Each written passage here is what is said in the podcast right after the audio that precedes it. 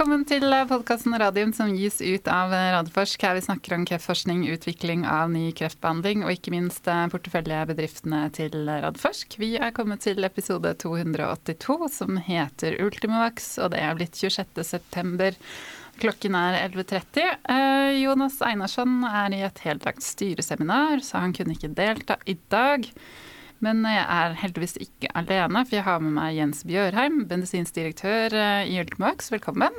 Takk. Takk for invitasjonen. Ja, Hyggelig at du passet. Og så har jeg med meg Espen Dassmo Ellingsen, som er Director Medical Affairs i Ultimax. Tusen takk. Mm -hmm. Veldig hyggelig å ha med dere begge to. Eh, sånn, I forhold til nyheter så har det jo kommet noen fra selskapene våre, men det skal vi ta i neste podkast, som da blir over høstferien. Dvs. Si uke 41, for da er Jonas tilbake. Eh, og da skal vi også ha med oss et selskap som heter Onkosign, som ikke er et av Radforsk sine porteføljebedrifter, men som er et selskap i Oslo Cancer Cluster Inkubator og som er spunnet ut av forskning ved Institutt for kreftforskning. Eh, og Hvis man er nysgjerrig på dem, så kan man høre på episode 219 fra ca. et år tilbake. Og det skjer jo da en oppdatering, for her har det skjedd mye spennende i selskapet. Og så vet jeg jo at det er eh, mye interesse rundt Ultimovax. Og mye, hva skal man kalle det for noe, spekulasjoner, kan man vel si. Eh, så da tar vi bare en rein forventningsavklaring før eh, vi starter dagens podkast og går gjennom agendaen også. Først så skal vi egentlig snakke litt generelt om klinisk utvikling av legemidler, statistikk og design av studier. Og så under den konteksten så skal vi først snakke litt om Initium-studien, og så over til NIPU-studien. Og så har vi fått inn mange lytterspørsmål. Tusen takk for de, og de skal vi gå gjennom én etter én. Eh, så da blir det litt nerding og masse god informasjon til eh, lytterne våre, håper vi. Eh, så vi tenker vi kan begynne med det med utvikling av legemidler. Hvordan dette skjer da fra preklinikk til et legemiddel for markedsgodkjenning av FDA og EMEA. Det er det du som skal fortelle om, Espen. Ja. ja. Ja. det er jo et langt lerret å bleke. Ja, men det, det er jo et uh, veldig spennende tema, så, mm. og som vi selvfølgelig i Ultramax jobber innenfor. Så, så det gledelig svaret på det. Så for å ta det på en måte i den kronologiske rekkefølgen, så eh, preklinisk forskning, da, som ordet tilsier, dreier seg da om forskning på legemiddelkandidater før det tas ut i klinikken og prøves hos mennesker. Og da er det gjerne studier i, i dyr, i, gjerne i mus, hvor man prøver å etterligne sykdomstilstander eh, som foregår hos mennesker, eh, for å karakterisere både liksom de biologiske prosessene som foregår i, i sykdommen, eh, og hvordan man kan eventuelt påvirke de biologiske prosessene med, med legemidler. Eh, og for oss, da, altså vi jobber jo med en, med en kreftvaksine, så i immunologien generelt så er det ganske vanskelig å gjøre sånne studier fordi eh, immunsystemet hos mus ikke er likt det hos mennesket. Mm. Og, og, sånne forskjeller vil være ganske viktige da, um, når man karakteriserer potensielle legemiddelkandidater. Da. Så der er det noen utfordringer. Uh, og det er et sånt tema som går igjen uh, ofte i, kreftforskningen, er heterogenitet. Mm. Altså på en måte et, et mangfold. da. Og, og, mus, de er jo, eh, laboratoriemus er jo innavlede, mm. og vi mennesker er jo ikke det. Så den type biologiske mangfoldet, det du, fanger du ikke i, i, sånne dyreforsøk. Sånn at den overføringsverdien på, på det man ser på de studiene av mus, den kan være litt liten i forhold til mennesker? Altså det kan være altså Noen ganger så har man jo veldig gode eh, modeller hvor, man, hvor, det er stor overføringsverdi, mm. men ikke alltid, da. Ja. Eh, så det er, er, det tilfeldig, eller? Uh, Tja, altså det varierer fra hva du ønsker å, å se på. da. Så ta telomerase f.eks., så er det ganske store forskjeller fra, fra mus til menneske, da, som mm. er jo da målet for vårt, uh, vår vaksine. da. Mm. Så dersom man identifiserer en, en lovende legemiddelkandidat, så øh, prøver man jo da å gjøre Først gjør man uh, ytterligere toksisitetsstudier, altså se på hvor trygt det er gi. Mm før man tar det ut i en fase 1-studie. Så det er da første gangen eh, et legemiddel prøves ut i, i mennesket. Mm. Og da skal man jo først og fremst dokumentere hvorvidt dette er trygt å gi. Eh, og da starter man selvfølgelig da gjerne med få pasienter, for man ønsker ikke å eksponere mange pasienter for noe man ikke er kjent med. da. Så det er et typisk studie på 10-20-30 pasienter, og har et, et design og Da er det typisk eh, design noe som heter sånn dose escalation study. Doseeskaleringsstudier. Ja, det heter det. Jeg er så glad i å snakke norsk i den podkasten her. Um, ja, og da, da, gir man da, som ordet tilsier, eh, økende doser av legemiddelet. Og, og, da definerer man da etter hvert det som er da den høyeste tolererbare dosen, som man gjerne går videre med, da. Mm. Um, og det, når vi jobber med vaksiner, da er det ikke alltid sånn at en, en høyere dose er bedre. Um, så der er litt spesielt for, for vaksiner. Uh, men sånn generelt så, så, er det det man gjerne uh, undersøker. Um, og det kan også være sånne studier som har såkalt ADME-design. Og ADME er da et akronym, står for uh, Absorption, Distribution, Metabolism and Excretion. Og, altså hvordan et legemiddel tas opp i, i, i kroppen, hvordan det distribueres i de forskjellige organene hvordan det metaboliseres, og hvordan det da skilles ut til slutt. Mm. Uh, og det er heller ikke et design som er typisk uh, veldig relevant for vaksiner. For vaksinene. For vi uh, ønsker jo at Eller ønsker å stimulere kroppens egne celler. Um, så på en måte Legemiddelet er jo da for vår del en, en, peptid. Men det peptidet skal ikke gå ut i blodet og skal ikke gå til, til kreften og, og, drepe kreftceller. Det er jo cellene som skal gjøre det. Mm. Så sånt seg er, er heller ikke relevant for vår del. Da. Eh, så noen sånne tilpasninger gjør man selvfølgelig eh, etter hvilket legemiddel man ønsker å undersøke. Da. Mm. Um, så kan vi snakke litt om hvordan dette har vært relevant for, for, oss. Vi har gjort fire pasientstudier, uh, hvor to av de hadde vi uh, tre ulike doser med, med UV1. Og for vår del så var på en måte beslutningsgrunnlaget for å gå videre var da basert på immunresponsen. Så vi ville identifisere den dosen som ga best immunrespons og minst bivirkninger. Mm. Um, mest optimale ja. for pasienten. Ja. Mm. Så det gjorde vi basert på de to studiene. Uh, også I tillegg så gjorde vi da en, en tredje uh, studie i melanom der uh, vaksinen ble kombinert med sjekkpunkthemmeren ipilimumab. Mm. Og det vi så da, var at det var en, en slags synergi eh, i, i dannelsen av immunresponser. Og, og, det er det jo både bredt, eh, bred litteratur på, på, den type interaksjon. Eh, fordi Ipilimumab er da en CTLA4-hemmer, og den er ment å bidra til å ekspandere flere T-celler. Og det er jo det vi ønsker å gjøre med vaksinen, så, så det var jo på en måte som, som hånd i hanske. da. Mm. Så derfor så har vi da også gått videre med, med kombinasjoner med uh, sjekkpunkthemmere. Mm. Um, ja Så jeg kan jo si det som er gjennomgående gjennom egentlig hele dette kliniske utviklingsløpet, altså fra fase 1 til fase 3 og til godkjenning, er jo, er jo at det skal være trygt for pasientene. Mm. Så sikkerhet er på en måte i, i kjernen av uh, ethvert legemiddelutvikling.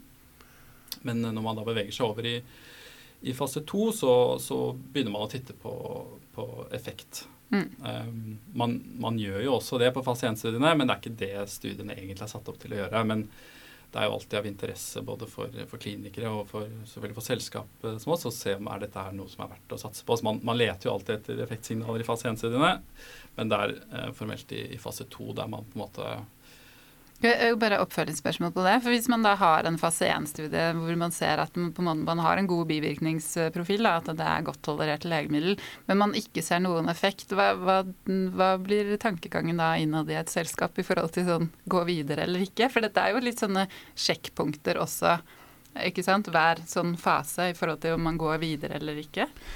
Ja, um Altså, som Espen sa, sikkerhet eller bivirkninger er jo det aller viktigste. Og selv eh, i en liten fase 1-studie så vil jo ikke det være nok eh, pasienter til å avdekke hele eh, bivirkningsprofilen. Det fins sjeldne bivirkninger som kan ha en lavere frekvens, og som du dermed ikke ser i en fase 1-studie.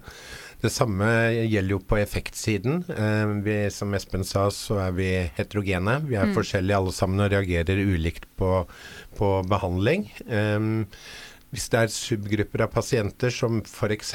har eh, effekt av det legemiddelet du spurte om, så vil det kanskje ikke avsløres i en liten fase 1-studie. Mm. Og Dermed kan det være lurt å gå inn i fase 2 hvis sikkerheten er, er grei, for å avdekke effekt i mindre grupper av pasienter. da. Mm.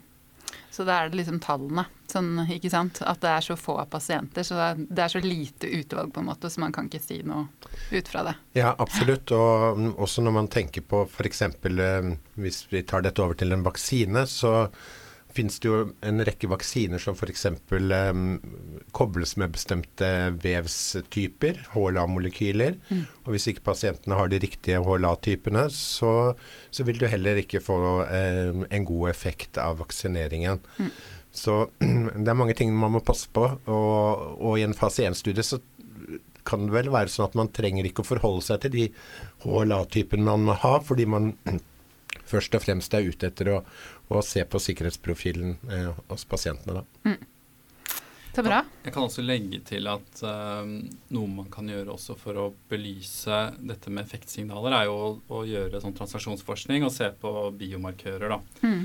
Og, og, prøve å på en måte karakterisere virkningsmekanismen. Uh, så selv om på en måte kanskje ikke tallene for type overlevelse, hva det nå enn det er man ser på, da. Eh, kanskje de er ikke så relevante fordi det er en liten eh, utdrag pasienter, så, så, kan man da karakterisere virkningsmekanismen. Og hvis det ser lovende ut, så kan jo det også eh, støtte å ta dette videre og da, ikke sant, mm. til en større studie.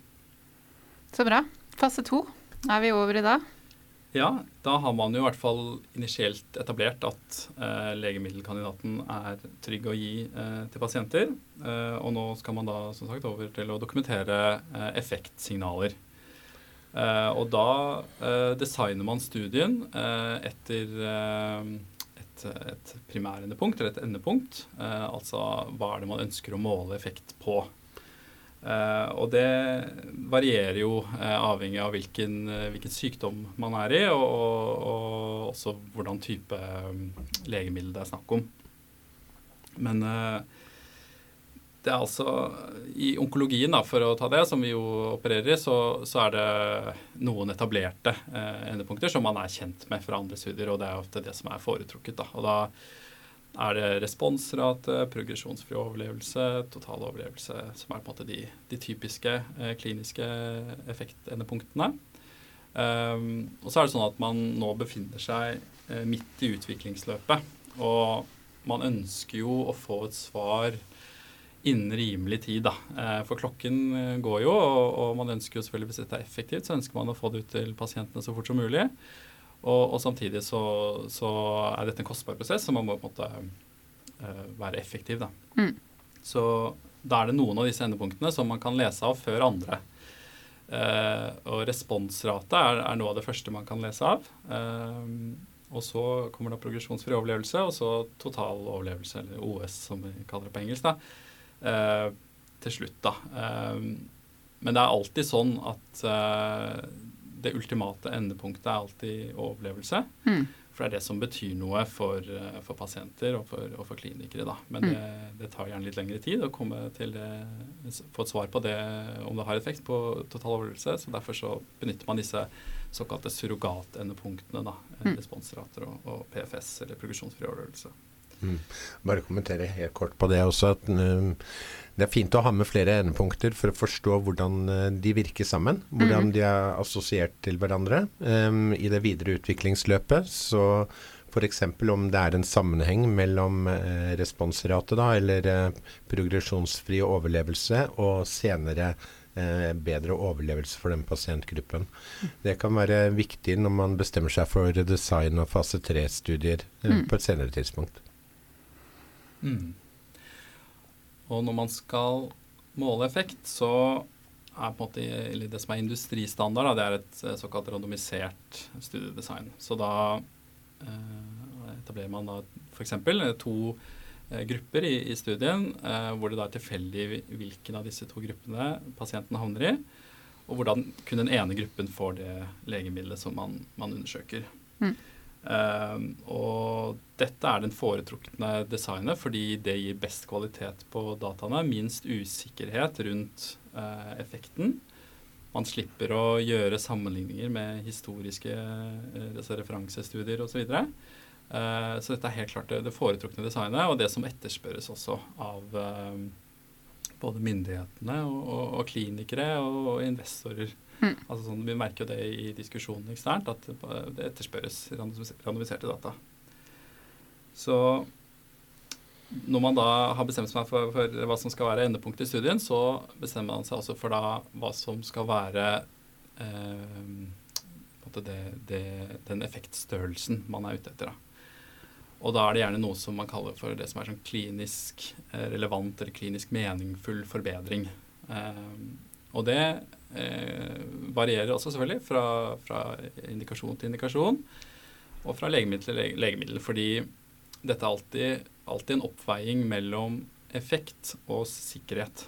Så hvis du har et legemiddel som, veldig, som, er trygt å gi, så kan man jo tillate seg en mindre eh, effektstørrelse, altså at den forbedringen er mindre, mm. enn hvis det er et veldig toksisk legemiddel. Så, så, må jo selvfølgelig også effekten være tilsvarende stor. Mm. Så man setter seg da eh, f.eks. som vi, vi, har jo eh, progresjonsfri overlevelse da, som, som primærpunkt i, i våre studier. Og, og, da setter man seg på en måte hva er, hva er den tilstrekkelige forbedringen som vi ønsker å se for, å, for, at dette skal være noe vi skal satse på videre. Og da eh, setter man seg da et mål, f.eks. av hazard ratio, eh, eh, som vi har da på 0,6. det, det i, På folkemunne betyr det da en 40 forbedring eh, over da standardbehandlingen. Nettopp. Så det, 40 bedre overlevelse enn ja. en standard. Ja, mm. eller i Det kommer an på hva endepunktet er, da. Men, ja. men hvis vi tar um, altså det, Hazard også kan du bruke på veldig mange forskjellige endepunkter. da. Uh, men, men uh, en 40% forbedring, det er jo en betydelig forbedring. Mm. Uh, når man ser på typiske sånn fase 3-studier, så opererer man gjerne med sånn HR på, på 0,8 eller 20 forbedring f.eks. Mm. Men i en fase 2-studie så er også dette tilknyttet da um, antall pasienter du skal ha med i studien. Um, for som nevnt innledningsvis her, så sant, dette er jo da legemidler som man, man, prøver ut, og man vet ikke om det er effektivt, og man vet ikke den eksakte måte, hvor, hvor, hvor, trygt det er da, å, å, gi. Så man ønsker jo ikke å inkludere hundrevis av pasienter, men tilstrekkelig med pasienter for å kunne si noe om effekt. Og da blir det alltid et slingringsmonn rundt dette, denne 40 %-forbedringen som vi snakket om. Og, og, skal vi ikke gå inn i detaljer på statistikken her, men men, da tror jeg vi mister mange av lytterne. ja. muligens programleder også. Det er et slingringsmonn. altså 40% er en voldsomt god forbedring. Ja. Eh, men med type de antall pasienter som man typisk har i, i fase 2-studie, så er det en, en betydelig slingringsmonn rundt den, eh, den 40 og, og et positiv eh, endepunkt kan være da helt opp til en 27% forbedring. Nettopp. Så det er ikke noe sånn tall som er liksom spikra jo, det er på en måte spikret, men, men du har likevel en, noe å gå på der? Ja. ja. Det blir Mm, altså, vi velger oss jo da et um, klinisk mål her, 40 mm. Og så um, tester vi to grupper mot hverandre og ser om vi kan se en forskjell mellom de to gruppene på det vi måler på, i vårt tilfelle um, progresjonsfri overlevelse. For å si det veldig enkelt, hvis du har få uh, pasienter, så får du et større slingringsrom rundt det tallet, som kan gi en gyldighet. Jo flere pasienter du har, jo strammere blir eh, konfidensintervallet eller slingringsmonnet rundt det tallet. Mm. Så det som eh, gjelder da for en eh, mindre studie, en fase 2-studie, det er at eh, et positivt resultat det, Hvis du får en positiv avlesning der, så, så vil du vite at den er positiv med en eh, lavere sannsynlighet enn om du har eh, flere pasienter med i studien. Nettopp. Mm. Ja, så bra. Og, og, så, da, sant, så, da, etablerer man et effektsignal. Da. Eller man, man, konkluderer ikke om effekt, men man sier at dette er et tilstrekkelig effektsignal eh, for å underbygge videre, videre utvikling. Mm. Um, og man ser også selvfølgelig på, på sikkerhetsprofilen. Da. Mm. Uh, Så en eh, generell kommentar til det. Så mm, i, i våre studier eh, så har vi jo da en ensidig alfa på 0,1. Det betyr at eh, mm, ved et positivt signal så er det eh, mm, 80, 80 sikkert at dette skyldes biologi. Mm. Og, At ikke det er noen tilfeldigheter ja, og det er også. 20% sannsynlighet for at vi ikke fanger opp en eventuelt biologi i den statistikken. Mm. Men um, det er på en måte industristandarden at den informasjonen som den typen statistikk eh, gir, det er nok til å ta valget og gå inn i en fase tre ehm, til å utvikle legemiddelet videre. Mm. Ehm, selvfølgelig, ja, det er en liten usikkerhet der, men tilstrekkelig informasjon til å gå videre eh, med utviklingen av legemiddelet. Så bra. Mm. Det er mye statistikk i dette her. Altså, jeg prøver å liksom vekke opp noe statistikkurs fra, Ja, fra universitetet altså, her. så- det er avansert. Ja, altså det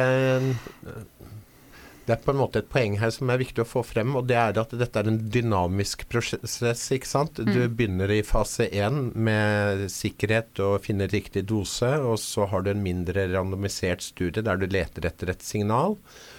Og hvis du har designet studien på en eh, fin måte og har, eh, har et hinder som er forholdsvis høyt, så du på en måte klarer å skille kontrollgruppen og eh, den eksperimentelle armen eh, godt, så eh, får du en antydning om at dette er bra.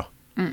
Eh, det er veldig sjelden i fase to-studier at du oppnår veldig gode god statistikk. Og grunnen til det er at det er få pasienter som er inkludert i studien. Vi Så det ser er jo- igjen populasjonen. ikke sant? Ja. Så um, i vår studie, i våre studier, hvis vi har en eh, P-verdi som er under 0,1, så er de eh, studiene positive. Mm. Eh, hvis du skal ha registrert et legemiddel, eh, så forventer myndighetene ofte at eh, P-verdien skal være under 0,05. Mm. Måten å gjøre det på, eh, i hvert fall teoretisk, er jo å på en måte replikere studien med flere pasienter, fordi da blir slingringsmonnet rundt det tallet mindre, Mm. og, og, og det blir en bedre kvalitet på statistikken. Men dette er de naturlige utviklingstrinnene som eh, de fleste legemidler eh, er gjennom, eh, og går gjennom de ulike stadiene eh, fase 1, 2 og 3. Mm. Så kan jeg også legge til at i, i fase 2 så ønsker man jo også å, å forstå mest mulig av hvordan legemidlet fungerer. Og identifisere hvordan man skal ta dette videre til en fase tre. Mm. Sånn at eh, hva som på en måte ja, primær, Man kan snakke om primære og sekundære endepunkt, men man ønsker på en måte å lære mest mulig og bruke den lærdommen videre når man designer sin fase tre-studie. Mm. Um, så, så det er jo da potensielt første gangen man gjør en eh, randomisert studie med en eh, legemiddelkandidat, så det gir jo eh, et veldig på en måte, løft i, i forståelsen av eh, hvordan legemidler fungerer, og en veldig viktig innsikt da, som man må ta med seg videre eh, Mm. til fase tre. For da får dere masse biologiske data som dere kan gå inn og, og forske på, ikke sant? Ja, også, også observasjonene du gjør er veldig viktig i designen av studien. Um, Pasientobservasjoner, altså? Direkte, av, eh, eller? av ulike endepunkter. Ja. Så kanskje for de spesielt interesserte lytterne. Men eh, ved kjemoterapi f.eks. så har man en annen type eh, Kaplan-Meier-kurve enn man har ved checkpoint-inhibitorer. Mm. Og grunnen til det er at eh, antall, antall pasienter og fordelingen av pasienter som oppnår ulik type respons, og hvor Mm. lenge de har den responsen, eh, det varierer mellom de to legemiddelklassene. Så for sjekkpunkthemmere så har vi sett at det, i noen indikasjoner i hvert fall, så er det en eh, god del av pasientene som oppnår komplett respons, betyr eh, all tumor er borte, og partiell respons, at noe er igjen. Eh, mens det er eh, sjeldnere å se ved kjemoterapi. Og vi ser også ved sjekkpunkthemmere at den varer responsen varer over lengre tid, i årevis, eh, for noen pasienter. Det er også noe som er veldig forskjellig fra det du ser med kjemoterapi. Så når vi legger på vaksine på toppen av sjekkpunkthemmere, så prøver jo vi å forstå hva bidrar de nye T-cellene med. Fører de til flere komplette responser? Fører det til at flere av pasientene får respons i det hele tatt? Fører det til lengre eh, responstid, altså hvor lenge de har eh, responsen intakt? Og alle disse tingene her settes jo i sammenheng med overlevelse til slutt. Og når man har det bildet av hvordan eh, pasientene opptrer i de ulike endepunktene, så kan man gjøre mer kvalifiserte valg av hvordan en fase 3-studie ser ut senere. Mm. Så man er rett og slett egentlig avhengig av kjørt ferdig fase 2 og se på de dataene før man kan designe en god fase 3-studie? Du, du, vil i hvert fall få god hjelp i å, å designe en, en, god studie, mm. eh, fordi eh, kurvene vil eh, se ut på ulik måte alt etter hvordan eh, pasientene har reagert på det, på det eksperimentelle legemiddelet. Mm. Noe som kan gjøre at du kan sette opp studier som bedre får fram biologien til det nye legemiddelet mm. i en fase 3-studie. Så manglende informasjon om uh, disse endepunktene, progresjon og responsrate og lengde av respons og overlevelse, fører til at du har mindre å spille på når du skal gå videre med utviklingsprogrammet. Mm. Og fase tre? Da er det da det skal skje? ja. Um, så, så, fase tre-studier er jo da ofte satt opp uh, for å underbygge en, en søknad om markedstillatelse for et produkt. Og disse studiene kalles jo ofte confirmatory phase 3, uh, altså, altså bekreftende studier. Så her skal du bekrefte de effektsignalene du allerede har sett. Um, og dette skal gjøres med, med høy grad av sikkerhet rundt dataene. Så, så da snakker man mange, mange hundre pasienter og, og lave P-verdier, da. Mm. Um, og man diskuterer ofte studiedesignet med myndighetene først for å forsikre seg om at hvis studien når de forhåndsdefinerte effektmålet, så eh, vil det kunne eh, være tilstrekkelig for en eventuell uh, markedsgodkjenning. Da. Mm. Um, så har man på en måte gjort seg en avtale på forhånd. Man venter ikke til på en måte dataene er klare før man går i en, dialog. Nei, altså F.eks. i USA så begynner jo studieløpet med en såkalt IND, som er en importtillatelse av legemidler til landet og en mulighet til å starte studier i landet. Mm. Eh, gjennom utviklingsløpet så har man ulike møter med myndighetene, og de holdes også underrettet om hvordan det går i studien underveis, med årlige rapporter og kontinuerlig bivirkningsrapportering til mm. myndighetene. Så de er godt inne i hva vi driver med. Og f.eks. når man er ferdig med fase to, så er det vanlig å ha et um, etter fase to-møte, for å snakke norsk i denne podkasten. Ja. der man uh, diskuterer veien videre for, uh, for uh, legemiddelutviklingen. Så um, alt som foregår er på en måte en avtale mellom myndighetene og firmaene, så øh, jeg tror ikke det er mulig engang å på en måte gå gjennom de ulike fasene uten å på en måte forholde seg til um, gjeldende regelverk for hvordan ting skal se ut, og, og, og være i avtale med myndighetene om hvordan ting skal gjøres mm. på hvilken måte. Jeg merker jeg blir så nysgjerrig. Hvordan er det å samarbeide med de så tett? Altså, hva slags bakgrunn har de? Har de selv eh, bakgrunn fra legemiddelutvikling og fra forskning og ja, så der, eh, der, er det alt mulig eh, av bakgrunner. Fra mm, leger som er spesialisert innen fagfeltet selv jobber, til folk som har farmasøytisk bakgrunn og mer strategisk bakgrunn. Det som er viktig for de, er jo å følge amerikansk lov og få legemidler eh, fortest mulig gjennom hvis de har livets rett. Mm.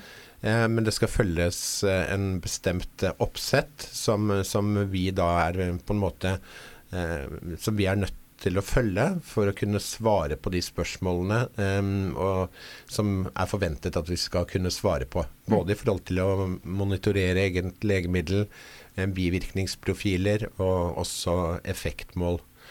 Og, og, som Espen har nevnt, så er jo overlevelse eh, alltid et veldig viktig eh, effektmål. Mm. Eh, spesielt for nye legemiddelklasser. Vi er jo en av de firmaene som er i spydspissen for eh, en ny legemiddelklasse med kreftvaksiner. Da er det veldig viktig å forstå om eh, kreftvaksinene som sådan faktisk fører til forbedret overlevelse hos pasientene. Eh, og det vil være en forventning om at overlevelse er eh, det endelige endepunktet i en eh, fase tre-studie eh, for en ny legemiddelklasse. Da. Ja. Man vil på en måte være litt strengere med dere, siden dere er en av de første Altså Hvis du har en eh, klasse legemidler som er veldig godt utviklet, og du kjenner godt til biomarkører og hvordan de opptrer, hva, hva de fører til i kroppen, så, så kan Man ønsker nok også der overlevelse, men man, tar avgjørelser på et tidligere tidspunkt, eh, og så fortsetter observasjon av overlevelse i en periode før f.eks. man får eh, full godkjenning av et legemiddel. Da. Men som sagt eh, tidligere, her vet vi ikke hva vaksinen egentlig gjør. Selvfølgelig har vi mange hypoteser for eh, eh, hvordan eh, T-cellene vi induserer oppfører seg i kroppen. Men vi trenger å se det eh, i randomiserte studier der vi kan sammenligne Kaplan-Meyer-kurver for ulike endepunkter osv. Så bra. Mm. Er det noe mer å si om, om fase tre? Uh, nei, jeg tror ikke det. Nei? Jeg tror vi fikk nevnt det viktigste. Ja, så Ja, bra. eh, jeg har lyst til å nevne en ting til som Mm. er veldig viktig i legemiddelutviklingen. Det er jo det at eh, mm, eh, man må jo prøve å være relevant. Så det er veldig viktig at man uh, har god kontakt med de ek eksterne miljøene. Ikke Mm. bare myndighetene som vi har snakket om nå, men også uh, fagfeltet, Uh, og gjerne i ulike land, fordi det er litt ulike behandlingskulturer i ulike land. Mm. Så, og det, det er noe som bør pågå hele tiden, så man ikke ender opp med studier som er på en måte positive, men ikke klinisk eh, relevant. Relevante, ja. Fordi de ikke lenger innbefatter f.eks. Eh, dagens standardbehandling, standardbehandling Mm. osv. og Så, videre. så sånn sett er det viktig å henge med på markedet. eh, Både Mhm. regulatorisk og faglig, da. Og, og som jeg og Jonas har diskutert eh, noen ganger, det er nesten sånn se litt inn i krystallkula hva som kommer, altså hva som skjer av forskning. For det, det med standardbehandling flytter seg jo også, ikke sant. Så hvis man da har satt opp en studie mot en standardbehandling som ikke er der lenger, så må man jo bare sånn ok, da må vi begynne på nytt. Ja, ja, altså jeg skal ikke si at eh, vi, vi har riktig, men, eh, men vi var jo med på en ganske interessant overgang i, i føflekkreftstudien vår. For Mm. når vi begynte å diskutere den eh, tilbake i 2018-19, så var hovedsakelig ble pasientene behandlet med monoterapi, med bare en PD1-hemmer. Mhm. Og så var det et utvalg av pasienter som fikk eh, kombinasjonsbehandlingen med ipilimumab og nivolumab. Eh, fra 2018 og fram mot 2020 så forandret eh, antallet seg betraktelig. Og i dag, i hvert fall i mange land i verden, så er det jo sånn at eh, hvis du kan tolerere å få ipilimumab og nivolumab, så er det den foretrukne behandlingen. Mm.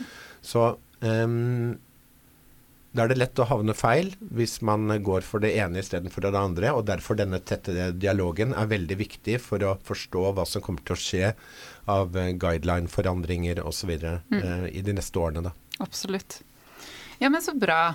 Takk for eh, gjennomgangen. Det er alltid fint å få en sånn eh, Altså det, eh, få en overordna forståelse av hva man, handler, hva man snakker om når man snakker om legemiddelutvikling. For det her er jo som, altså det er en dynamisk prosess, og den forandrer seg jo hele tiden. Det har jo vært en tendens nå til at man har hatt eh, få pasienter, ikke sant, og så på en måte fått en tidlig markedsgodkjennelse og kanskje et sånn krav om å kjøre fase tre, fase fire etterpå, eller i hvert fall fase fire, da, med flere pasienter for å liksom sjekke at det er Men nå virker det jo som om FDA har gått litt tilbake igjen, at de er kanskje litt sånn For de har jo måttet trekke noen legemidler også, ikke sant. Så, så dette er jo en sånn eh, litt sånn fram og tilbake hele veien. Ja, altså Vi har vært veldig opptatt av eh, sikkerhet også, bivirkninger. Og um, generelt så kan man vel si om eh, kreftvaksiner at de synes å ha en veldig um, godartet bivirkningsprofil. Mm. Eh, samtidig så er det viktig å ikke hvile bare på det. Det er viktig å ha mange pasienter eh, med i programmet for å forstå også bivirkninger som forekommer i en eh, lav frekvens. Det er en sånn tommelfingerregel at eh, for å se en bivirkning som er til stede i en av 100 pasienter, så bør man eh, behandle 300 pasienter. Mm. Så mm, jeg syns egentlig det er fint at eh, myndighetene ønsker at det skal kjøres eh, mm, alle fasene og, og randomiserte studier eh, for å utvikle nye legemidler. Ja. Det gjør det også tryggere for pasienten når dette skal slippes ut på store markeder, og man ikke lenger har samme type kontroll over hva som skjer. Og da slipper man kanskje noen av de diskusjonene som man har, sånn som f.eks. i SLV, når de skal eh, si om et legemiddel som er markedsføringsgodkjent skal på refusjon i Norge. For det- de er jo veldig opptatt av den usikkerheten der, ikke sant. Hva Absolutt. sier disse dataene egentlig? Det er veldig bra. Men da må vi snirkle oss inn, for det tror jeg lytterne våre er litt eh, opptatt av nå. Å høre mer om, konkret om, om deres studier. Også, dere har jo nå UV1 i fem eh, fase 2-studier. Men det er jo da den ene Initium-studien som dere kjører selv. De, rest, eh, de andre fire er jo da akademiske forskerinitierte studier. Så hvis vi da starter med Initium-studien, så går jo den da i malignt melanom, altså føflekkreft. Randomisert studie. 156 pasienter som da var ferdig innrullert i juli 2022. Og da er det da én arm med standardbehandlingen ipilimumab og nivolumab, som vi har vært innom noen ganger, og så en arm da med UV1 i tillegg. Em, jeg vet ikke, Skal vi først gå rett og slett bare på design? Hvordan dere tenkte da når dere satte opp den fase 2-studien? Og litt om endepunkter og refleksjoner rundt det? Ja, så um, dette er da en randomisert studie som eh, går i fire forskjellige land, på to forskjellige kontinenter i USA og Europa. Eh, Første pasient kom inn i juni 2020, og siste pasient eh, kom inn i juli 2022. Så randomisert over eh, to år. Selve designen på studien er slik at eh, det er samme eh, standardbehandling i begge armer. Og så blir pasientene randomisert til UV1 på toppen eh, i den ene armen, og ingenting i, i den andre armen. Eh, målet med denne studien er å se om det er en forskjell i progresjonsfri overlevelse ved et bestemt antall endepunkter. Først progresjonsfri overlevelse. Det er et eh, endepunkt som består av to deler. Det er eh, da at pasientens tumor vokser, at den progredierer, eller at du dør uten forutgående progresjon. Eh, Så summen av sånne endepunkter i denne studien skal eh, komme opp i 70 før vi stopper studien. Eh, Det var tanken bak eh, Initium. Og hvorfor det? Hvorfor skulle vi ha en sånn endepunktsdrevet studie? Eh, dette kan fort bli veldig nitty-gritty, men eh, de kurvene vi ser på når vi ser på eh, sjekkpunkthemmerkurver, så kjenner sikkert de fleste til at de har ofte et bratt fall i begynnelsen, før de svinger av og går ut et mer flatt parti eh, etter et bestemt antall måneder eller et års tid. Og i og med at vi ikke kjenner mode of action eller virkningsmekanismen til vaksinen, så var det viktig for oss å eh, kunne forstå hvordan de pasientene som fikk vaksine på toppen, hvordan deres kurve så ut eh, langs hele den første delen av denne Kaplan-Meier-kurven, inntil den flater ut. Hvor er det forandringene kommer? Svinger kurven raskere ut i et flatt eh, område? Er selve svingen mer, mer skarp? Osv. Og for å gjøre det, så ble det da designet eh, en statistikk som eh, er sånn at eh, når de aller fleste pasientene er på den flate, stedet, eh, flate delen av kurven, eh, så vil vi også være i nærheten av det endepunktet, antall endepunkter som vi ønsker å ha i studien. Så studien stopper på en måte ikke i svingen, den stopper når, akkurat når man har kommet ut på platået. Og, Er, det, er dette den derre halen man Ja, det- snakker om ja. i immunterapi? Da kan du liksom begynne å se for deg langtidsoverlevelse. ja, for den Når man har kommet til den halen. Ikke sant? For hva er egentlig den halen der? Fordi mm, den halen betyr at det, det skjer veldig lite i forhold til det endepunktet du følger i, i den kurven. Når den er flat, så betyr det at det ikke kommer flere endepunkter. Og hvis du samtidig Husk på bak denne kurven så ligger det også pasienter, så det er viktig å vite hvor pasientene er på kurven.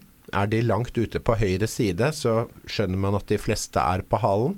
Er mesteparten av kurven fortsatt på den venstre siden av kurven, så kan det være lurt å vente lenger eh, med å avlese studien.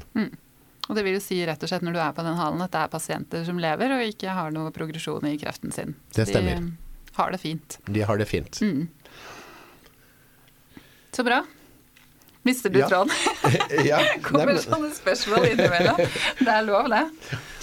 Uh, ja, er det noe mer å si om, uh, om studien da? Altså øhm, Jeg vet vi så kort, kort kommer tilbake til det, men altså studien i seg selv den var jo forventet å ha en avlesning eh, første halvdel av eh, 2023.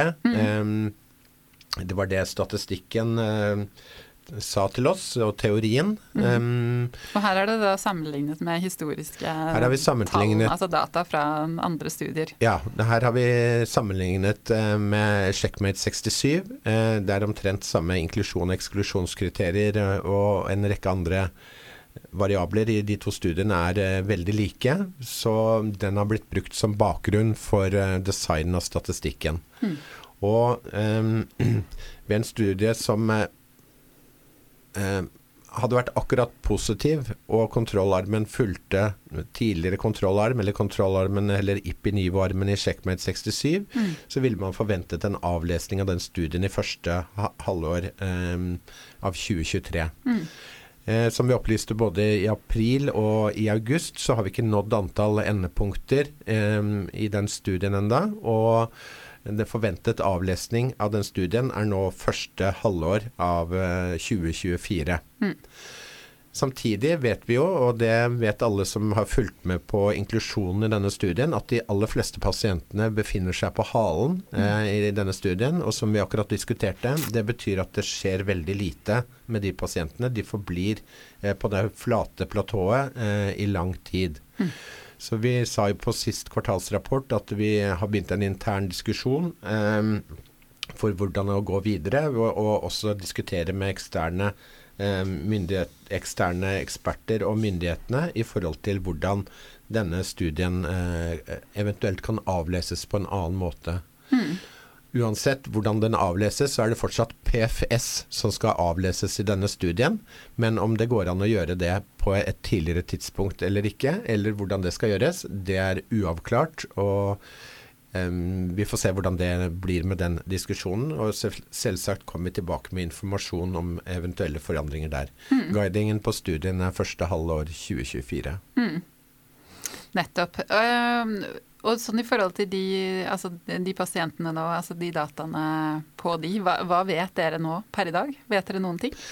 Men Altså, vi vet eh, ingenting. Denne Nei. studien er blindet for oss. Em, eh, For det tror jeg ikke det er alle så Det, det tenker jeg er viktig at vi bruker litt tid på. Ja, Også i forhold altså- til det med legemiddelutvikling. At dere i firmaene, dere vet jo ingenting. Nei, altså hva vet vi og hva vet vi ikke? Det vi vet eh, med en klinisk studie som dette, er at vi har ansvaret for, eh, for uh, safety. Det er vårt legemiddel, og vi har ansvar for ikke skade folk. Eh, selvsagt er det eh, en tredjepart som eh, gjør det tekniske rundt eh, eh, safety-rapporter eller bivirkningsrapporter som kommer inn fra de ulike sykehusene eh, i, i verden og som legene på de sykehusene har gjort en vurdering av de bivirkningsrapportene, og som vi eh, også får informasjon om. Den informasjonen vi mottar, den eh, går også til myndighetene, eh, så de er eh, også eh, på en måte online i forhold til den eh, bivirkningsutviklingen i, i studien. Og samtidig så skrives det rapport en gang i året, og Um, investigative brochure oppdateres en gang i året i forhold til safety. Men det er liksom bivirkninger, eh, rett og slett, og at det er sikkert og trygt for, eh, for pasientene. Bra. Jens måtte bare drikke litt vann. Ja. Man blir tørr i halsen når man sitter og prater sånn. Ja, når det gjelder eh, effekt, så, så er det mm, ingen innsyn fra vår eh, side. Studien er blindet, så vi vet ingenting om forskjeller mellom de to armene. Og bildene leses av sentralt, eh, sentral vurdering. Og det er da bildene av kreft, tumor. Mm. Når all informasjon er samlet der, så vil, eh, vil databasen eh, lukkes, og så vil en statistiker gjøre analysene på dataene. Så per nå så har vi ingen innsikt i hvordan eh, det står til med de to armene. Det, er, eh, ja, det må være veldig, veldig, rart og veldig spennende. Jeg bare merker Man er jo så spent, eh, vi andre, også dere som på en måte har jobbet med utviklingen her hele tiden. Um, det er jo mange som lurer på det, om det da, i og med at man nå er på, på halen eller der hvor pasienten er stabile, om man da kommer det til å bli enda en utsettelse etter altså sånn første halvår 2024? Altså per, per dags dato, og det, mm, så er guidingen på denne studien nå første halvår 2024. Ja. Um, så det er målet vårt. Mm. Um, utover det så kan jeg ikke kommentere Nei, på fremtiden. Nei, dere kan ikke det, for dere er på børs. så det, det må bare forholde dere til det dere er guida på. Altså, sånn er det. Um, vi har jo fått inn mange spørsmål om, om, denne studien, men vi kommer tilbake til det. Vi tenker vi skal snakke litt om NIPU-studien først. Uh, det her er jo da en forskerinitiert uh, studie som ledes da av uh, professor Åslaug Helland, lungekreftoverlege her ved Radiumhospitalet. Eh, og den går jo da i mesotordiom, altså kreft i lungehinnen. En veldig vanskelig kreftform å behandle. Og, og, årsaken her er vel mye asbest, eh, at man har vært utsatt for asbest eh, opp gjennom tiden. Eh, det er jo en studie med 118 pasienter som da var ferdig innrullert i januar i år, og som da har samme design som, som Initium. Eh, og her vil vi først si litt om den, hva det betyr at en studie er forskerinitiert. Sånn ja. som dette her er med Åslaug og de andre studiene deres også utenom eh, Initium. Så ser, ser Nei, jeg vi på hverandre her. Si noen om det. Altså, for det første så er jo vi veldig fornøyd med at vi får lov til å være med i forskerinitierte studier. Så en forskerinitiert studie, da er det en forsker eller en gruppe som har en idé om en klinisk studie som de ønsker å um, sette ut i livet. Kontakter uh, Farma, biotekselskaper, for å få de legemidlene de trenger for å kjøre studien. Mm. Og, og, så eh, er de ansvarlig for å kjøre studien. De er såkalt sponsor for studien, og ansvarlig for bivirkningsrapportering. og eh, ansvarlig for at dataene blir samlet på riktig måte, osv. Mm. Eh, og så eier de vel på en måte dataene også, gjør de ikke det?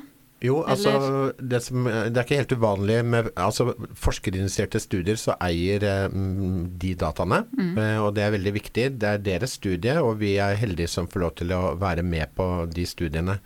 Eh, det kommer jo data fra disse studiene som eventuelt da kan brukes eh, f.eks. mot myndighetene for å diskutere videre skritt innen samme indikasjon hvis man ønsker som et firma å ta tak i eh, en sånn indikasjon, f.eks. her med soteliom, og mm. ta det videre i fase tre som en, en firmasponset studie, så vil jo sånn data være veldig viktig å, å kunne diskutere med myndighetene før man går videre. Mm. Så bra. Og så kom det jo da en melding i juni om at endepunktet da om progresjonsfri overlevelse, overlevelse ikke ble nådd. Eh, og det var vel en sånn eh, oppfattelse, i hvert fall i norske bransjemedia, at studien dermed hadde eh, feilet. Men eh, den meldingen dere sendte ut også da, eh, var jo litt sånn Jeg kan jo lese ut hva dere skrev, eh, det var vel nå i Q2 også. Eh, while, the primary progression-free survival, PFS endpoint, was not met based on an independent central analysis, a significant positive PFS outcome was observed based on an on-site analysis at all five study centers. In addition, an encouraging overall survival benefit trend was observed in the UV1 arm compared to the control arm. Så her, det her er jo litt sånn Man møter det ikke, men samtidig så ser noen noe, og noen andre ser noe annet. Og så da blir man litt forvirret.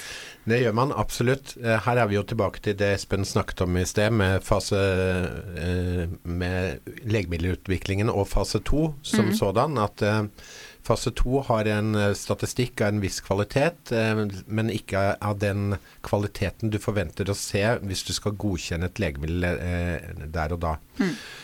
Det er én del av dette. Når det gjelder avlesningen av endepunktet her, så har jeg bare lyst til å dra den historien, hvordan det fungerer, sånn at vi alle kan være enige om det. Så det er lurt.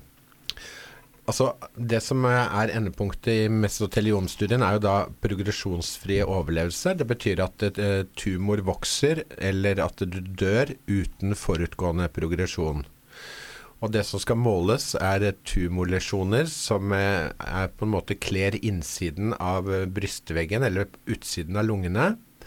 Og de eh, tumorene er ofte mm, holdt på å si nesten todimensjonale. Altså de er veldig flate og i, heller i utstrekning, og de er også konkave og konvekse. Følger jo formene på lungene og innsiden av thoraxveggen. Eh, Så mm, mange eh, som jobber innen dette feltet syns det er vanskelig å bruke CT, eh, eller det vanlige billeddiagnostikk, til å dia- diagnostisere eh, mesoteliom. Og så starter studien. Åpner en, eh, de åpner en database. I den databasen så er det én side der såkalt Central Review-vurderinger skal skrives inn. Og så er det én side der local eh, assessment, vurderingene lokalt, der radiologene lokalt skal skrives inn.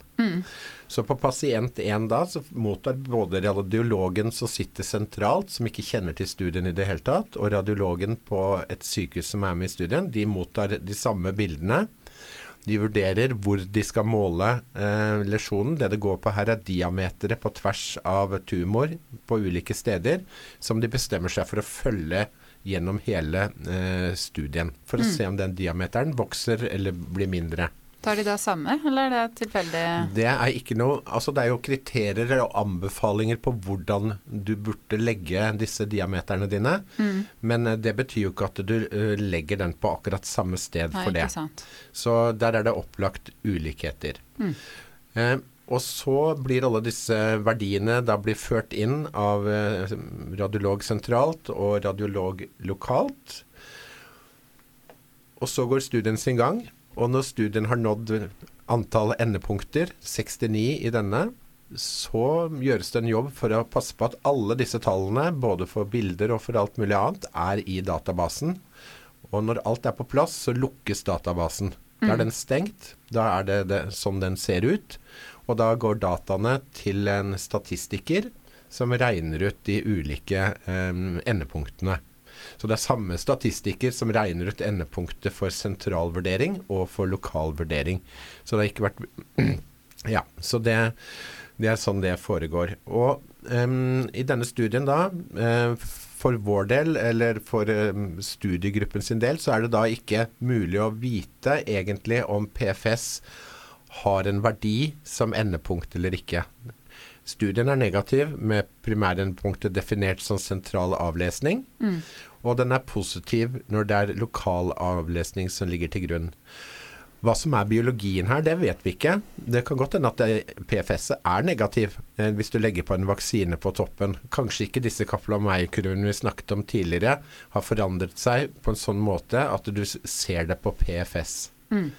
Uansett så er det også her, som vi har diskutert i dag, eh, overlevelse som er det viktige. En klinisk relevant overlevelse er det man ser etter i, i denne studien og andre fase 2-studier for å kunne eh, ha et beslutningsgrunnlag å gå videre på eh, til fase 3. Og som Espen tidligere nevnte, så er jo det ofte at eh, når det blir godkjent at det er en rundt 20 forbedring i eh, effekt på det endepunktet som må være til stede for at det skal bli relevant for klinikerne. Både å bruke det i klinisk praksis og putte det i guidelines. Og for myndighetene å faktisk betale for dette legemiddelet eh, fremover.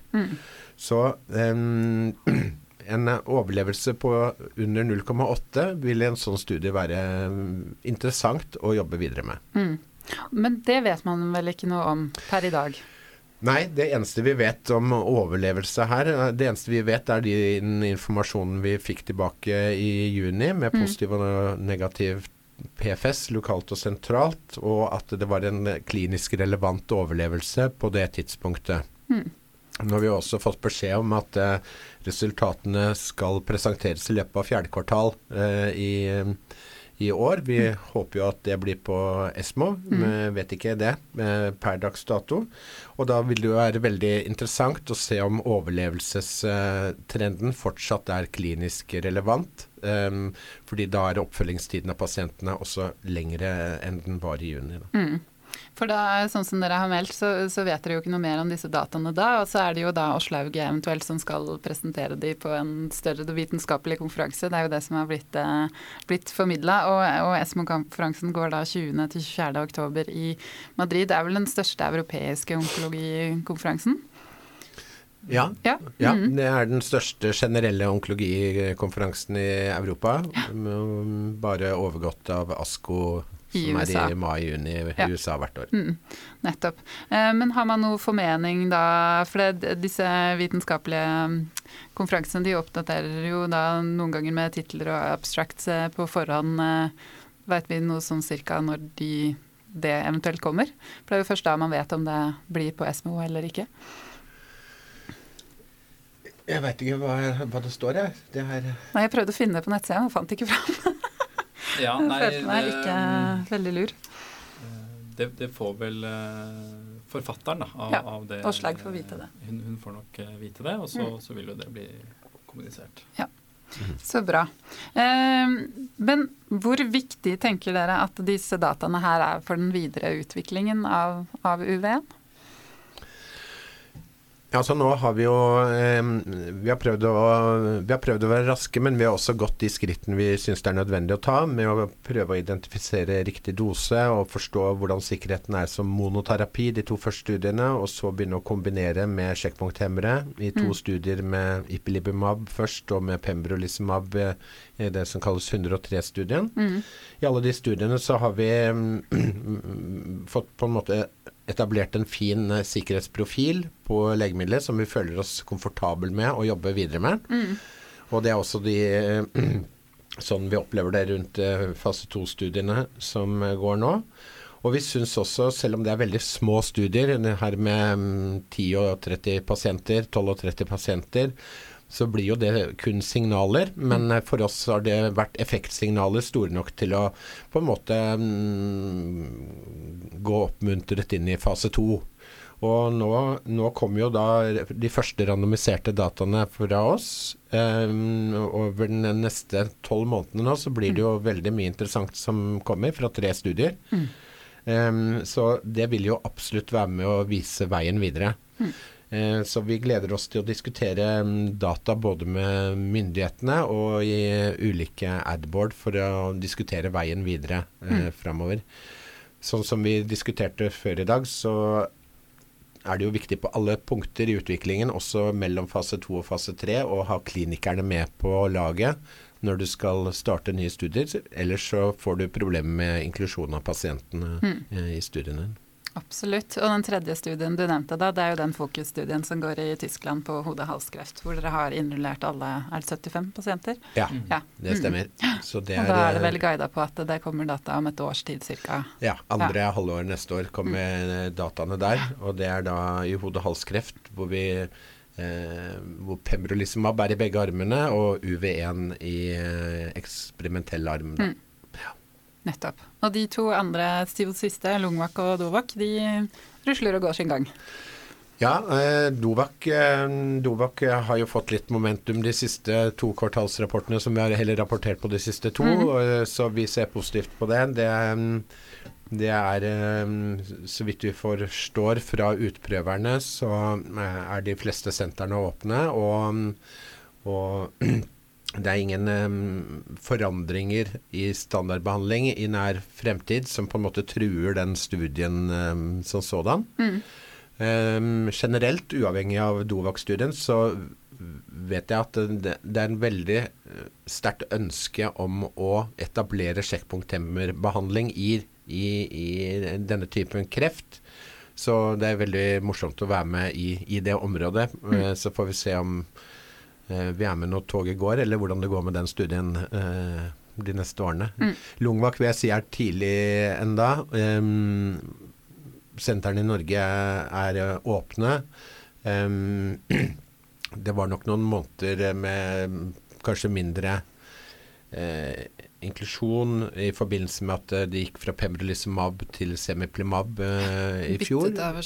Ja. Mm. Men uh, vi føler oss trygge på at den studien vil inkludere det antall pasienter den skal, og at, at inntak av pasienter går fortere og fortere etter hvert som tiden går. Så bra. Da kan vi gå over til uh, lytterspørsmålene. Jeg har nesten lyst til å ha sånne her sportsspørsmål til det første. Hvordan føles det å stå liksom foran et år med så mye data? Sover dere godt på natta, eller drømmer dere om uh, Kaplan Meyer-plott og Nei, det er veldig spennende, selvsagt. Uh, vi kan snakke for min egen del, så har jeg jobbet mye med disse fase 1-studiene, med enarmede studier. så det blir jo veldig gøy da, med, med randomiserte data, hvor man virkelig kan eh, se på forskjeller og mm. hva, hva UV1 bidrar med. Så, så, det blir utrolig spennende. Ja, ja helt enig. Jeg må jo si at um, mye av mitt voksne yrkesliv har vært uh, med en liten dose kreftvaksineutvikling. Jeg begynte å som Skulle til å si det. Og, ja.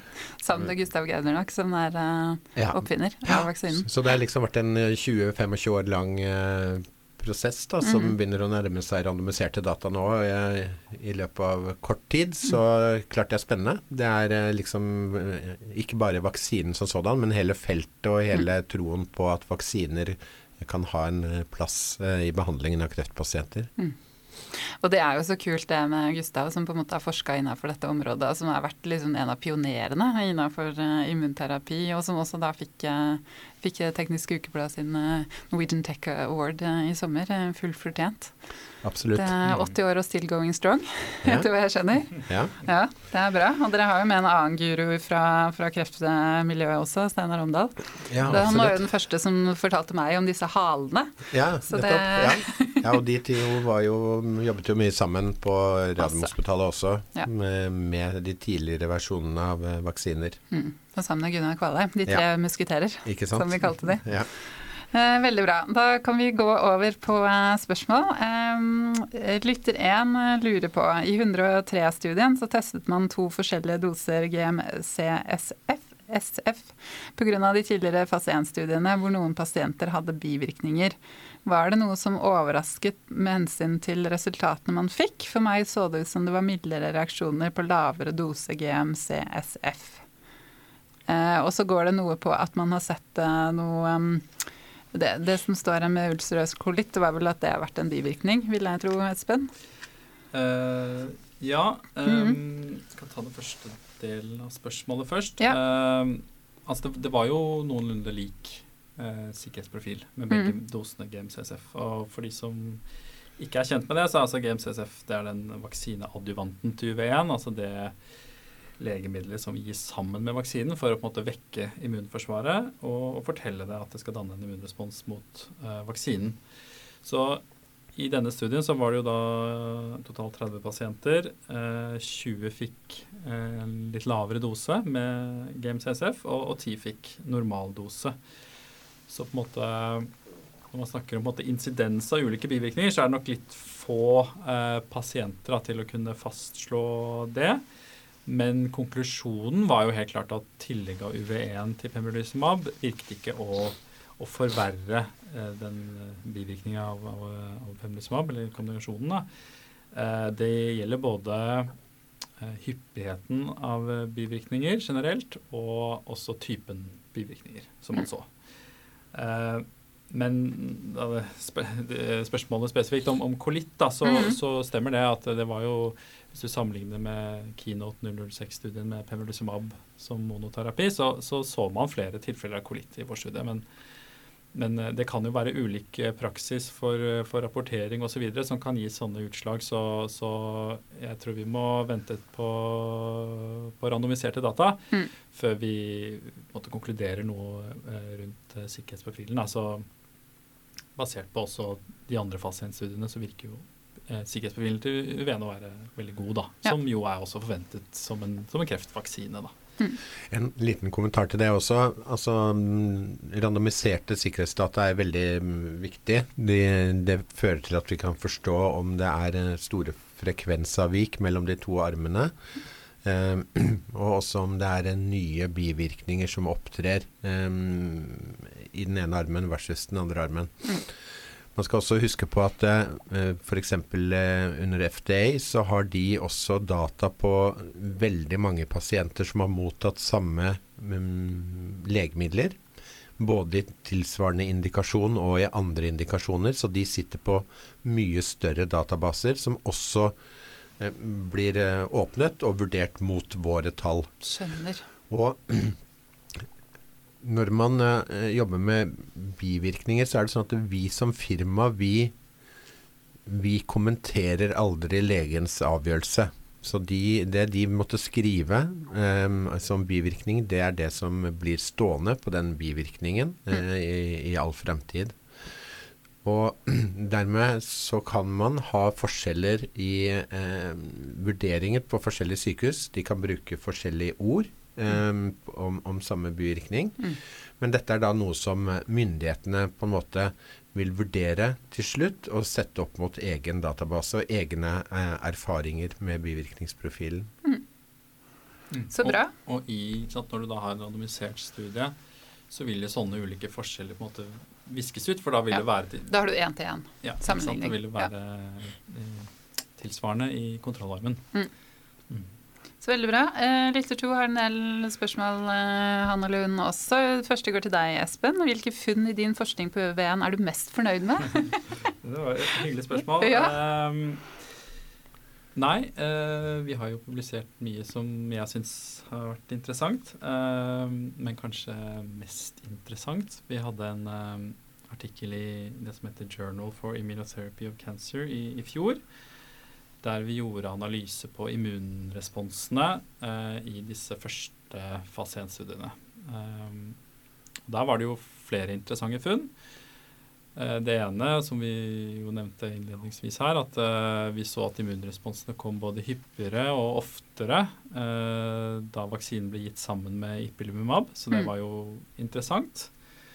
Men, men, det som kanskje var mest oppsiktsvekkende, var at vi og, og, også som noe som er ganske unikt for det datasettet, er at vi hadde eh, langtidsoppfølging av pasientene opp til syv og et halvt år. Mm. Det er lenge. Eh, og inkludert da immunresponsanalyser. Ja. Og kombinasjonen av de to tingene det er, er unikt, og, og meg bekjent eh, ingen andre som har publisert eh, sånne type datasett. Så må jo nevne også selvfølgelig at uh, mine funn altså Dette er jo uh, mange som står bak disse dataene her og har jobbet med dette i lang tid. Uh, men jeg var heldig og fikk analysere datasettene.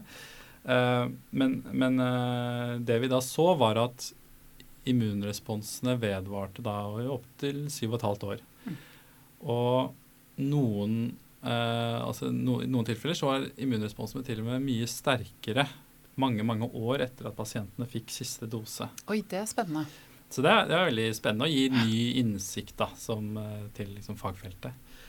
Og det det forteller oss, er jo flere ting. Eh, det ene at vaksinen er i stand til å lage en slik immunrespons som kan vedvare over tid. Mm. Så det er jo en sånn kvalitet til vaksinen, og, og, det er også noe som er diskutert eh, innenfor kreftvaksinefeltet hvorvidt eh, forskjellige vaksineplattformer klarer å indusere sånne typer immunresponser. Mm. Så det er jo veldig, eh, veldig bra for, for UV1. Det andre er at den, den fluktuasjonen, eller den derre eh, at, at, en immunrespons blir, blir, sterkere lenge etter at uh, vaksinen blir gitt, det forteller oss at disse immuncellene som vaksinen danner, har en slags sånn naturlig interaksjon med med, med eh, kreftvevet. Da. Mm. Så det kan på en måte restimulere immunresponsen på et senere tidspunkt. Mm. Og som potensielt kan være til nytte for pasienten. Mm. Går det på at de har såkalt hukommelse? Ja, så det er jo at de T-cellene som her.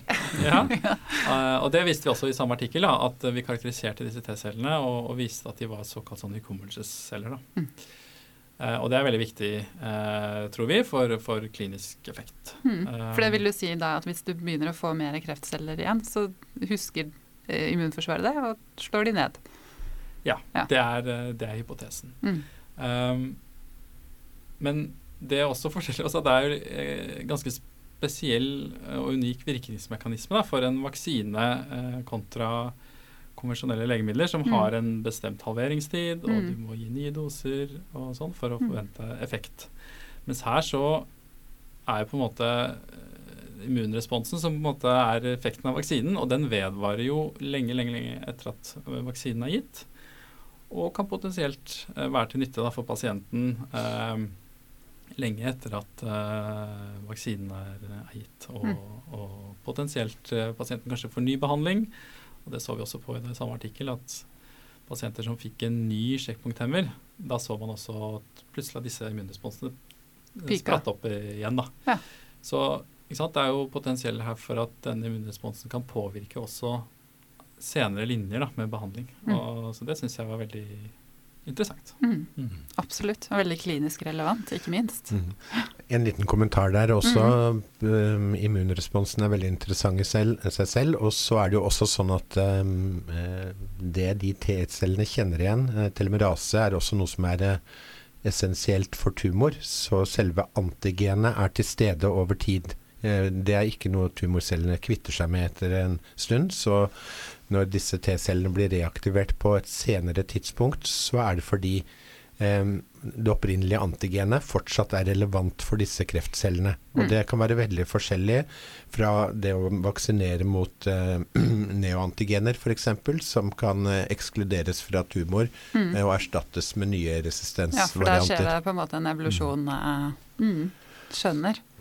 Så bra. Eh, neste spørsmål fra lytteren da er om dere kan kommentere på dataene til OCE Immuno på kreftvaksinen til dopi i lungekreft. Eh, da måtte jeg kjapt sjekke. Jeg skjønte at dette er et fransk selskap som er på børs. Eh, og de har gjennomført en fase tre-studie eh, med kreftvaksinen. Men jeg skjønte ikke helt om den var godkjent og på markedet Um, ja, nei, jeg kan kommentere så vidt på det. Altså, mm. Vi følger jo med på andre kreftvaksiner. Um, og denne vaksinen er i likhet med UV-en også en peptidbasert uh, kreftvaksine. Mm.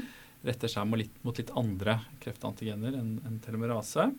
Uh, og den er såkalt sånn HLA-A2-begrenset. Uh, det betyr at du må screene pasienten først, og så se at den har riktig HLA-typen før du um, gir vaksinen. Mm. Rundt, rundt, halvparten av, av populasjonen har, har HLA-A2. Da.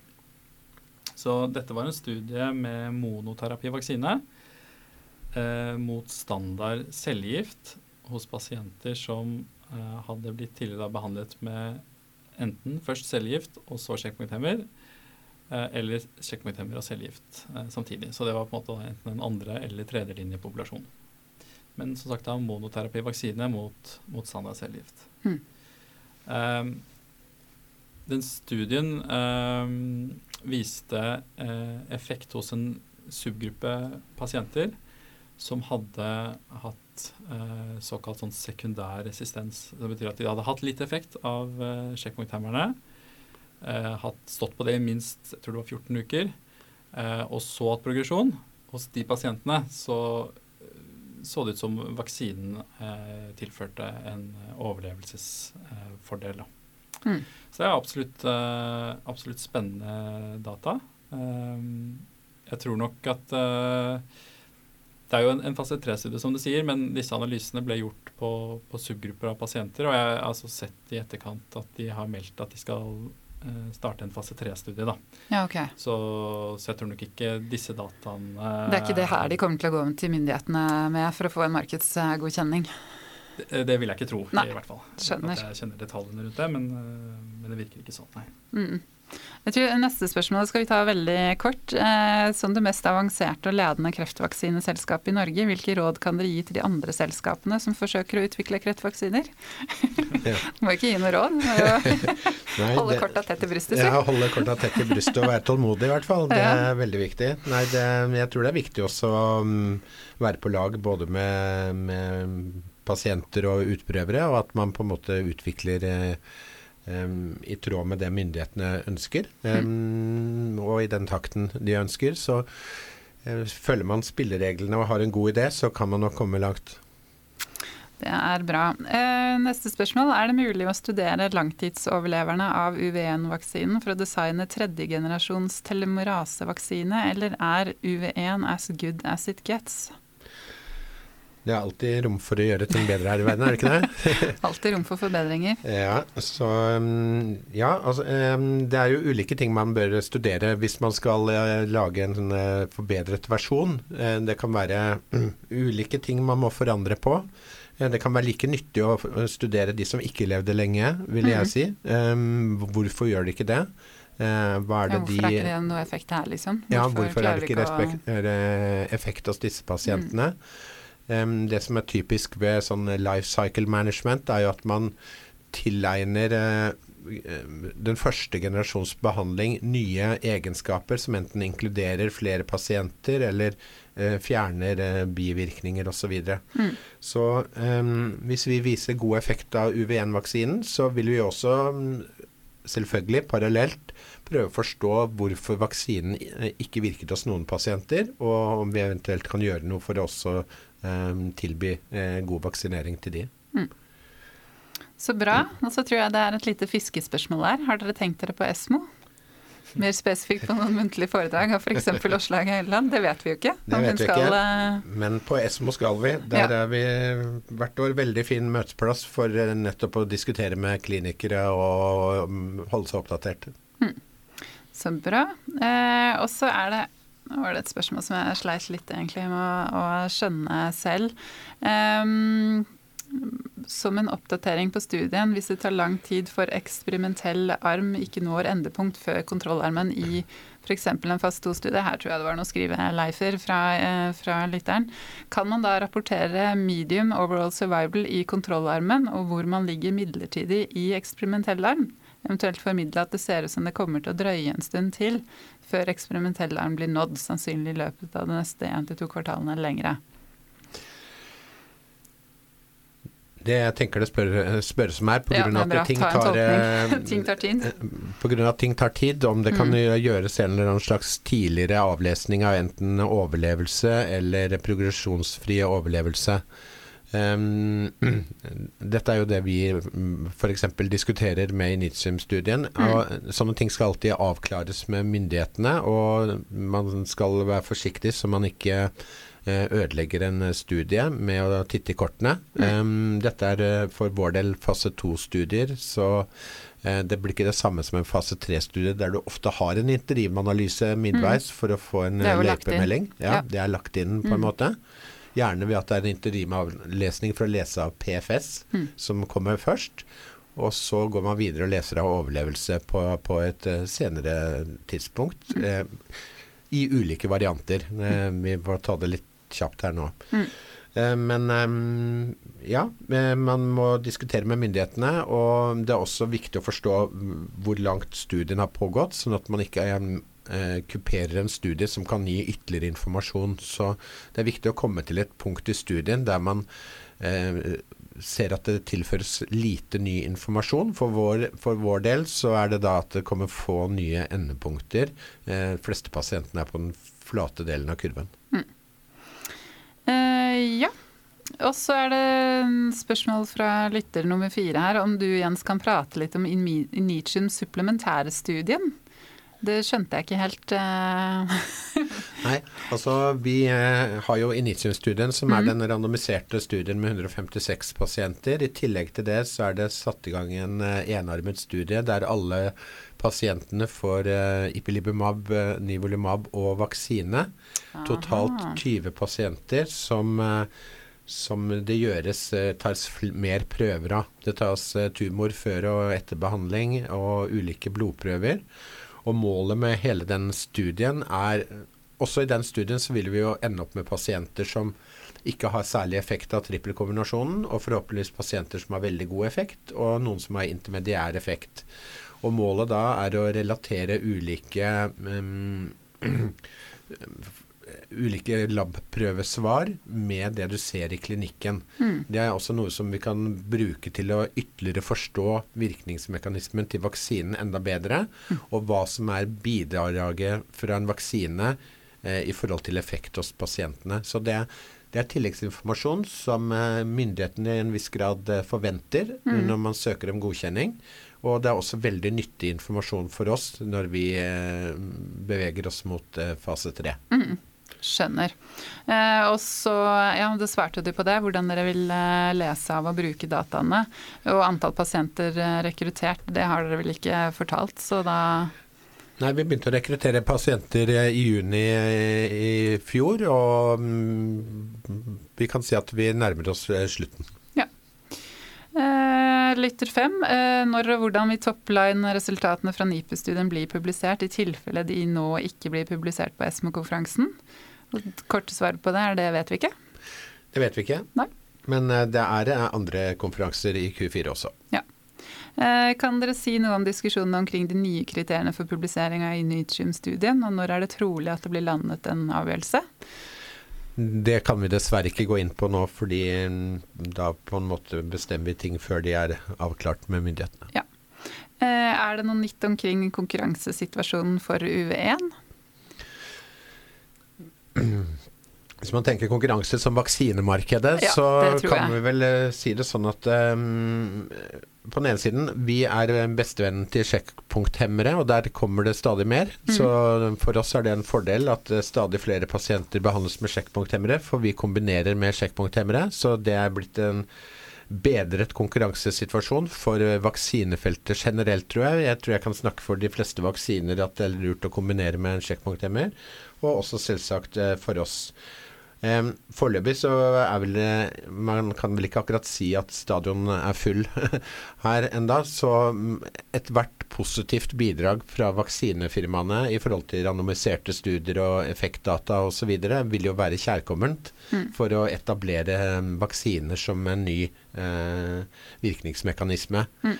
Så siste året har vært eh, spennende med Merck Moderna-dataene som kom. Og, og det er jo flere selskaper som kommer til å rapportere eh, i løpet av de neste eh, 12-24 månedene. Så det, er, så det, mm, det er liksom prime time for vaksiner nå, eh, og vi er veldig spent på det. Altså, mm, etter hvert så vil det vel utkrystallisere seg hvordan eh, markedet vil se ut med de ulike eh, plattformene og eh, ulike strategiene. Men her tenker jeg sånn, det blir kanskje sånn som med sjekkpunkthemmerne. At det er mange selskaper som har eh, sjekkpunkthemmere. Og så her kan det være mange selskaper som har vaksiner. Så det, det betyr ikke nødvendigvis at én tar hele markedet. Nei, det, det, det er vanskelig å se for seg. Det er vanskelig å se for seg at um, en gjør det. Eh, noen av disse, uten at vi trenger å gå mye inn på det her nå, så er det jo det er ulike strategier og ulike utviklingskostnader. Så noen vaksiner er kanskje ikke like egnet til å være i alle indikasjoner. F.eks. hvis det tar lang tid å lage vaksinen, så kan det være problematisk i forhold til neoadjuvant behandling. Det er også noe med tilgang for pasientene. Eh, ikke bare fysisk tilgang, at det er der, men at det er, man har råd til det. At det er på sykehuset, at det er i nærmiljøet der du bor. Eh, hvis det er veldig avanserte vaksiner, så kan det være problematisk hvis man bor langt fra eh, et stort eh, avansert sykehus. Så bra. Så er det et spørsmål om TET-plattformen og TET-studien. Det er blitt nevnt at resultatene kommer da i fjerde kvartal. Hvilke resultater vil bli publisert, og på hvilken måten vil studieresultatene bli presentert? Børsmelding, egen webkastpresentasjon eller annet? Ja, her har jo Carlos sagt at eh, mot slutten av Q4 så vil det komme en eh, oppdatering og presentering av, av hele denne plattformteknologien. Ja. Så det em, blir nok en egen webcast lignende på det. Eh, og når det snakkes om en UV2 Det er litt vann igjen her, Jens. Jeg ser du sliten. Vi er snart ferdig. Eh, når det snakkes om en UV2, er det da en ny og forbedret UV1-vaksine, eller tenker man i denne sammenhengen på en ny profylaktisk vaksine? Ja, eh, UV2 er et eh, ord vi ikke bruker nå for tiden. U- U- UV2 var eh, et ord som ble brukt i noen få sammenhenger eh, for flere år siden eh, i forbindelse med, med denne plattformen. Med tett, ja. den du. Mm. Så hvordan dette henger sammen, det får man da svar på i Q4. Q4. Ja, så bra. Eh, og det siste der går vel egentlig bare rett og slett tilbake til Initium. Eh, er det slik at selskapet vil ta en vurdering på en alternativ avlesning om det drøyer over høsten 2024 å oppnå eh, Nei, første halvår 2024 å oppnå 70 eventer, eller kan slike vurderinger skje før dagens guiding på første halvår 2024? På et tidspunkt må vel etiske vurdering gjøre seg gjeldende? Sånn situasjonen er nå, så har vi sett uh, få nye endepunkter og har uh, utsatt avlesningen i to omganger. Um, og vi har vært tydelige på at vi har startet en uh, diskusjon internt og med våre samarbeidspartnere om veien videre, og vil også diskutere med myndighetene. Og guidingen på Unitsum er fortsatt første halvår 2024. Så bra. Vet du hva, dette er verdens eh, lengste podkast. Det er eh, halvannen time, har vi klokka inn. ja. Men eh, vi lovte lytterne nerding, og det tror jeg de har fått. Og mye god informasjon, ikke minst. Er det noe vi ikke har vært innom, som dere brenner inne med? Nei. Nei, ikke i dag. Men da må jeg si tusen takk eh, på vegne av oss i Radforsk, og ikke minst eh, lytterne, som fikk eh, mye god informasjon. Og så blir det spennende neste, det neste året. Absolutt. Mm. Absolutt. Tusen takk for at vi fikk komme. Ja, flotte greier. Takk for i dag.